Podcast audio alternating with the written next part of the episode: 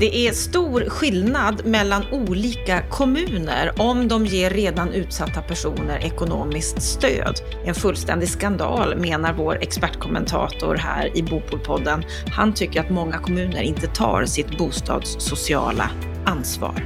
Vi kommer också att prata om trångboddhet och vi kommer att gå in på elkostnaderna som kommer att öka ännu mer och kan påverka bopriserna framåt enligt SBABs nya insiktsrapport. Marknaden och Riksbanken de gör olika bedömningar om hur räntan och inflationen kommer att utvecklas. Här menar vår expertkommentator att det finns goda skäl att inte agera förhastat. Varmt välkommen till veckans Aktuellt från oss på Bopolpodden där vi går igenom det senaste som har sagts och skrivits i media om just bostads och fastighetspolitiken. Jag heter Anna Bellman.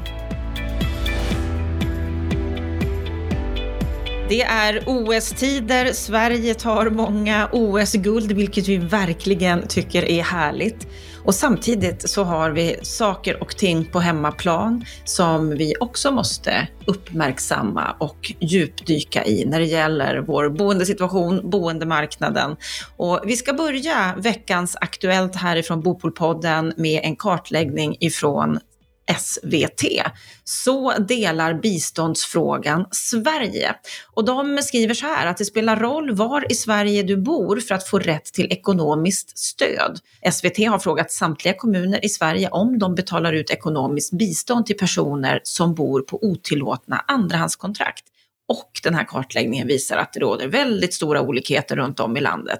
130 kommuner nekar bistånd om du som person inte kan uppvisa godkänt andrahandskontrakt, medan 105, 105 kommuner inte har samma krav. Lennart Weiss, vår expertkommentator, vad säger du om den här kartläggningen? Ja, men den bild som framträder här är ju på ren svenska helt åt helvete. Alltså, det är synd att inte Sveriges kommunhatare nummer ett, Stefan Attefall, sitter i studion just nu och kommenterar det här, för han skulle ju då säga vad, vad är det jag brukar säga om kommunerna? De har ju väldigt svårt att förstå och tolka lagstiftningen på ett korrekt sätt. Därför att om man tar del av vad som står i socialtjänstlagen så, så står det svart på vitt att eh, eh, utgifter för bostadsändamål är alltså eh, bistånds, eh, biståndspliktigt. Och det betyder att kommunerna ska ge bistånd till ekonomiskt utsatta personer som, som eh, har behovet av bistånd för att klara sin bostadssituation.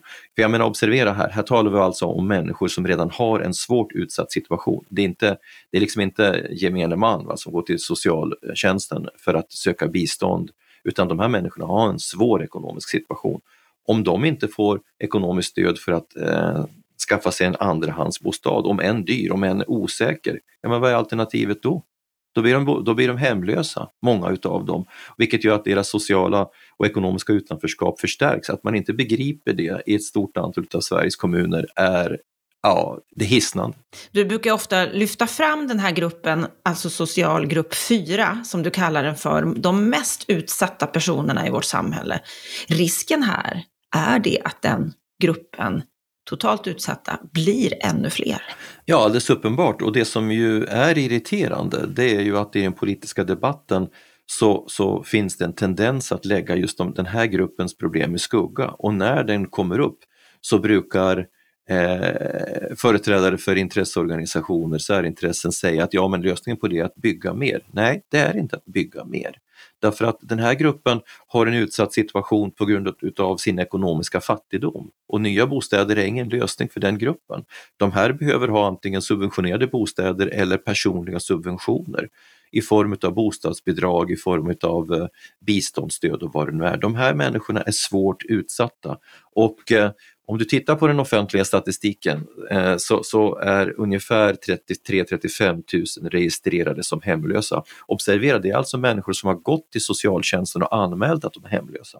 Det finns ett mörkertal här som ingen vet hur stort det är. Och sen har vi ungefär 30-35 000 sociala kontrakt, vi är uppe i 70 000 ungefär. Men med mörkertalet och de bedömningar som man kan göra från olika typer av iakttagelser så pratar vi sannolikt om ungefär 100 000 människor varav ganska många barn. Jag menar, att vi kan acceptera det i ett, eh, i ett rikt välfärdssamhälle är helt ofattbart för mig.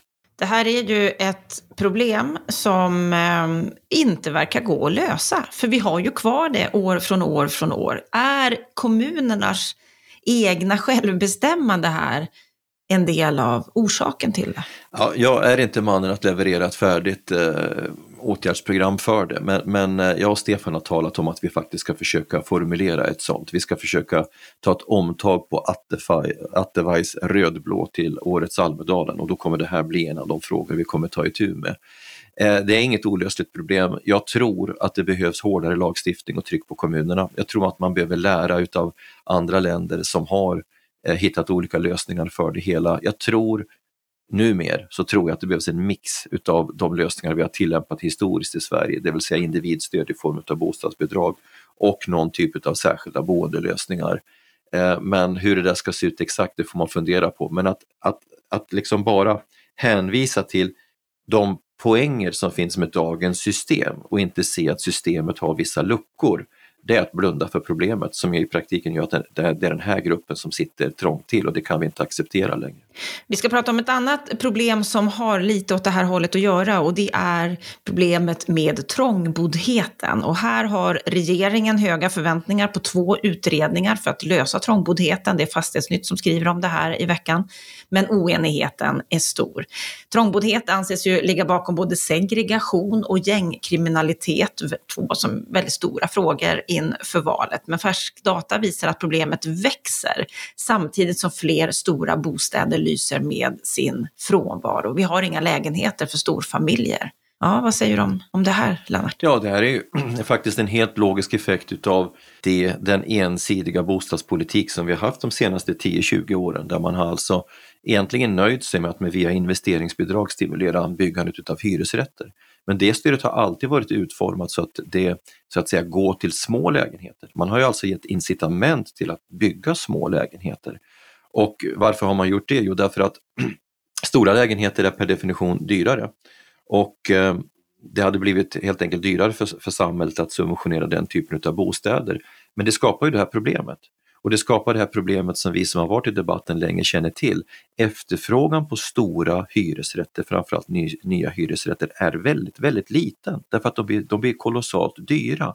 Det är alltså mer rationellt för personer med flera barn som har behovet av större bostadsytor att bo i ägt boende. Och där har vi som bekant inte haft någon politik överhuvudtaget för att hjälpa den här gruppen över på den ägda bostadsmarknaden. Så det är liksom flera politiska tankefel som har gjort att man har hamnat i den här fällan det är bra att man nu ser problemet. Johan Danielsson är en person som har förmåga att logiskt analysera olika eh, typer av problem. Så jag hoppas att han tar itu med det här och utan skygglappar eh, pekar mot de lösningar som måste till, nämligen en politik för hela bostadsmarknaden. Vi ska gå vidare till ett ämne som är högaktuellt och har varit det de senaste veckorna här, nämligen det här med elpriserna som ju har rusat i höjden. SBAB, de har i veckan kommit med en rapport, en insiktsrapport om just elkostnaderna. Och de skriver där att husägare i Sverige bör räkna med att elpriserna kan bli 50 procent högre fram till 2025-2026 jämfört med snittet för de senaste åren för att sen stiga ytterligare och dessutom bli betydligt mer varierande fram till 2030. Något som ju påverkar hushållens boendeekonomi och som också bör beaktas av banker när det gäller kreditgivningen. Ja, vad säger du om den här insiktsrapporten från SBAB? Jo, den är intressant. Eh, SBABs rapporter är alltid insiktsfulla och den här spaningen att eh, permanent högre elpriser skulle kunna påverka eh, prisbilden på bostadsmarknaden, den är helt relevant därför att eh, eh, priserna på bostadsmarknaden sätts ju utifrån tillgång och efterfrågan eh, och, och den efterfrågan är ju väldigt hög grad kopplat till vad är det för totala boendekostnader som konsumenten får. Jag menar driftskostnader är ju en del utav kostnadsbilden som, som utgör den samlade boendeutgiften. Så det, då handlar det mer om då, vad tror vi kommer att hända? Och det är en intressant fråga. Mitt enkla svar är att jag vet inte, men jag vet en sak och det, är att, och det har vi vetat länge och det är att eh, i den stund som vi band samman Sverige med det europeiska elnätet så var det, så låg det i korten att elpriserna skulle öka. Jag har en gammal kompis i, i energisektorn som lite målande sa att man måste förstå att om man exporterar energi ifrån Sverige, då importerar man de priser som finns på kontinenten. Det vill säga de priser som du har på den marknaden du, du, du, exporterar till, de priserna får du här. För så funkar det när marknaden så att säga integreras. Och det är konstigt att man inte haft en debatt om den saken, för det, det har varit en uppenbar utveckling. Och, och, och, inom det europeiska systemet så finns det idag ingen enighet om hur man ska på ett snabbt och prisvärt sätt öka utbudet av, av eh, energi, framförallt el. Efterfrågan på el kommer att öka som en del av den gröna omställningen. Eh, så att det finns definitivt eh, underlag för de farhågor som Robert Boye och SBAB har här. Men om, vi, om, om det handlar om 50-procentiga ökningar, det kan inte jag bedöma, men att det kommer att vara frågan om prisökningar, det tror jag. Men då vill jag passa på att ge ett litet konsumenttips. Därför att jag har gått igenom den här vintern helt bekymmerslös eh, kring de stigande elpriserna. Och vet du varför Anna? Jo, därför att jag har jobbat på ett energibolag och jag lärde mig att man binder sitt elpris och man gör i samband med vårfloden i april-maj när priserna på Nordpol är som lägst då binder man sitt, sitt avtal och man gör det på ett, två eller tre år. Så jag har bundit elprisavtal både i stugan och hemma så jag duschar och laddar min bil och allt möjligt utan att vara särskilt bekymrad. Så det är mitt enklaste konsumenttips. Bind ditt elpris när priset är som lägst. Bra tips, kanske svårare tips för de som har eluppvärmda villor. Där räknar SBAB med att om det skulle bli den här uppgången, om elpriserna skulle fördubblas så här snabbt och varaktigt, så kan priserna på en eluppvärmd villa sjunka med 20 procent. Mm, så är det. Det är relativt mycket. Mm, det är mycket. Ja, vi går vidare med saker och ting som sker och som påverkar vår bostadsmarknad och då kommer vi in på räntan och inflationen. Och DI skrev häromdagen, vem vet mest, marknaden eller Riksbanken? Och de menar att Riksbanken och marknaden drar helt olika slutsatser om räntan och inflationen. Och Riksbankschefen räknar med att nollrätt räntan den kommer att bestå till hösten 2024, det nämnde de ju för en vecka sedan. Och enligt terminprissättningen så ser marknaden ett helt annat scenario. Två räntehöjningar redan i år för att mota inflationsspöket i grind. Ja, vad säger du om den här motsättningen med vad som kommer att hända när det gäller räntan och inflation? Ja, vi är på sätt och vis tillbaka till den här diskussionen vi hade alldeles nyss om energipriserna.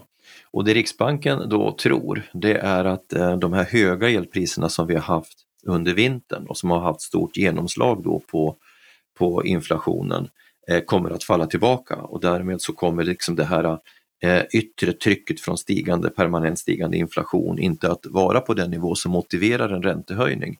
Vem har rätt, vem har fel? Ingen aning. Eh, ibland, jag brukar ju vara kritisk mot Riksbanken och Finansinspektionen i att de i vissa avseenden har en tendens att vara väldigt långsamma i sitt agerande. Det gäller inte minst Riksbanken då. Men i det här fallet så kanske det kan vara klokt att, att iaktta en viss tröghet därför att marknaden är ju å andra sidan väldigt nervig. De har ju en tendens att tolka signaler väldigt snabbt därför att de, de, vill ju, de prissätter ju risk hela tiden och försöker liksom vara på rätt sida om riskkurvan. Um, men det är inte säkert att de bedömer det här rätt. Jag menar alla vi som under årens lopp har ägt bostad och ställts inför frågan om vi ska binda eller ha rörligt eh, lån. Ja, jag har ju vid tre tillfällen bundit min ränta och alla gånger har jag upptäckt att det var helt fel beslut.